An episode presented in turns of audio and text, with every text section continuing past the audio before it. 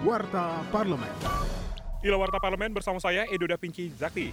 Ketua Komisi 5 DPR RI Lasarus mendesak Dirjen Perkeretaapian, Kementerian Perhubungan dan PT KCC untuk menyelesaikan proyek kereta api cepat Jakarta-Bandung tepat waktu dan tahapan-tahapan pengoperasiannya harus sesuai dengan standar operasional prosedur atau SOP. Politisi praksi PD Perjuangan tersebut juga mengingatkan pemerintah untuk memikirkan lebih matang terkait pengajuan PT KCC yang meminta masa konsesi kereta cepat Jakarta-Bandung diperpanjang menjadi 80 tahun.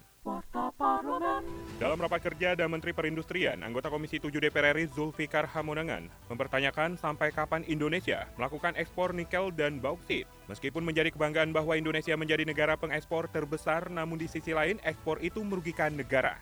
Yang kita ekspor terbesar sekarang ini di Cina, mohon izin pimpinan, ini adalah hasil nikel dan boksit.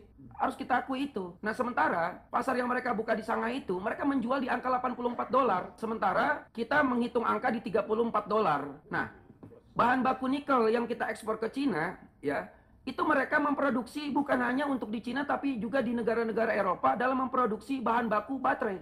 Nah pertanyaannya, kita punya target program sampai kapan? Kinerja Wakil Rakyat simak di media sosial TVR Parlemen.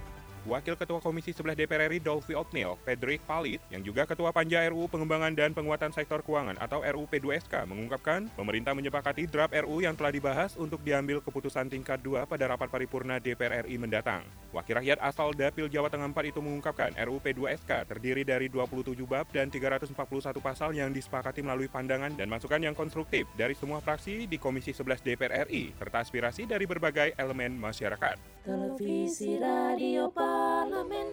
Demikian Warta Parlemen, Produksi TV dan Radio Parlemen Referensi Indonesia. Biro Pemberitaan Parlemen, Sekjen DPR RI.